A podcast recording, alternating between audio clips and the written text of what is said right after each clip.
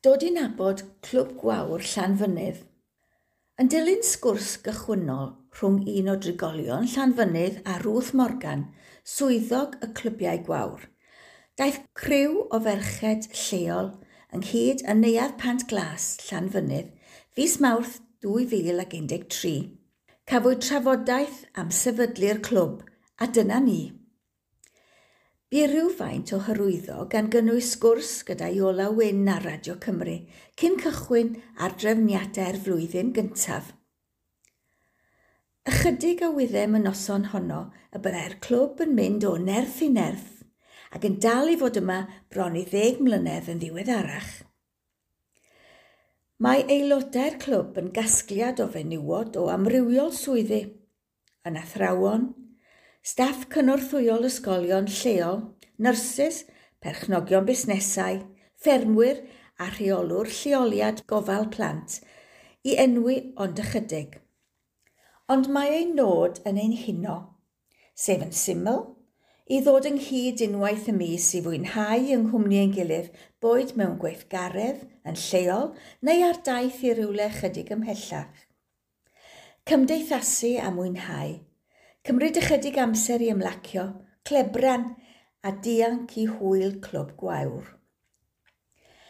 Er mae clwb gwawr Llanfynydd yw'r enw, mae'r clwb yn denu aelodau o nifer fawr ardaloedd gwledig ar llaw, o Gwrtenri, Dryslwyn, Cabel Eisac, Felindre, Llanarthe, Nantgeredig, Abergorlech, Capel Dewi a Brechfa – ac yn achlysurol daw un aelod bach i ymuno gyda ni o Lundain bell.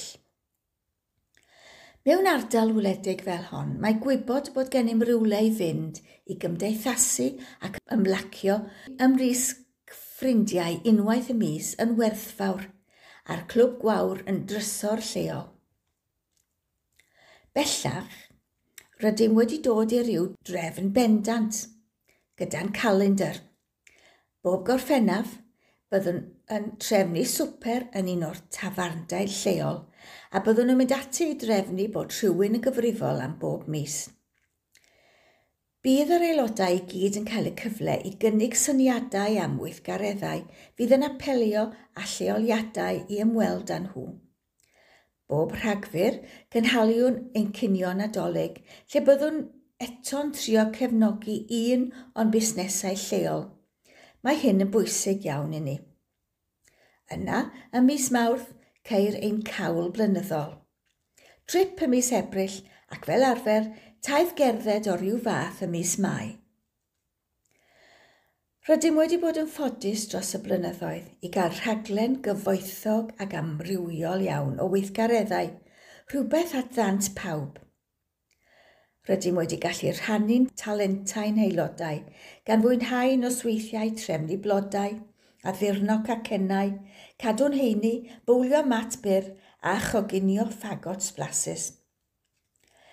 Byddwn yn aml y mentro allan ac ymweld â busnesau a lleoliadau newydd.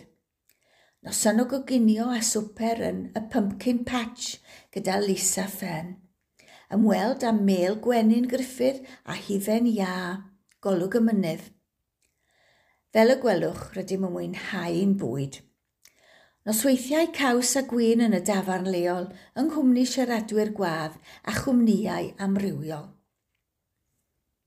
croesawyd nifer o siaradwyr atom dros y blynyddoedd, gan gynnwys merched talentog, rhai o'n aelodau i sôn am eu llwyddiannau, Be sy'n well na gallu dathlu llwyddiant merched lleol wrth iddyn nhw fentro tu hwnt i'w cynhefin a dod â bri yn hardal. Daeth cynrychiolwyr o sefydlad DPJ Atom i gynnal noson a chodwyd arian at yr elusen. Codwyd arian hefyd at gronfa Andrew Pumps pan gynhaliwyd noson bwci bo. Mae gallu rhoi i elusennau'n bwysig ac wrth i ni edrych ymlaen at ddathliadau deg mlynedd y flwyddyn nesaf.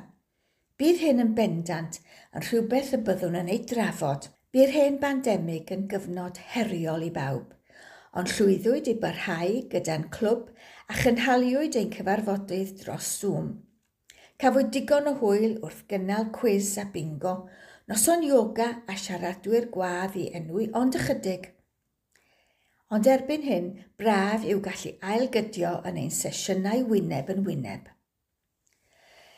Ni fyddem wedi gallu dychmygu llwyddiant ein clwb bach nôl yn 2013, pan ddaeth y criw cychwynnol ynghyd ym Mhant Glas.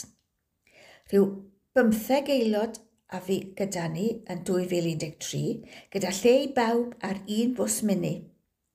Erbyn hyn, gallwn ymyfrydu bod gennym ni ddeugain o aelodau a'r bws mini wedi mynd yn rhy fach o lawer. Edrychwn ymlaen gyda brwdfrydedd a gobaith at ddyfodol yr un mor llwyddiannus ac at ddathlu'r deg. Hir oes i'n clwb bach ni.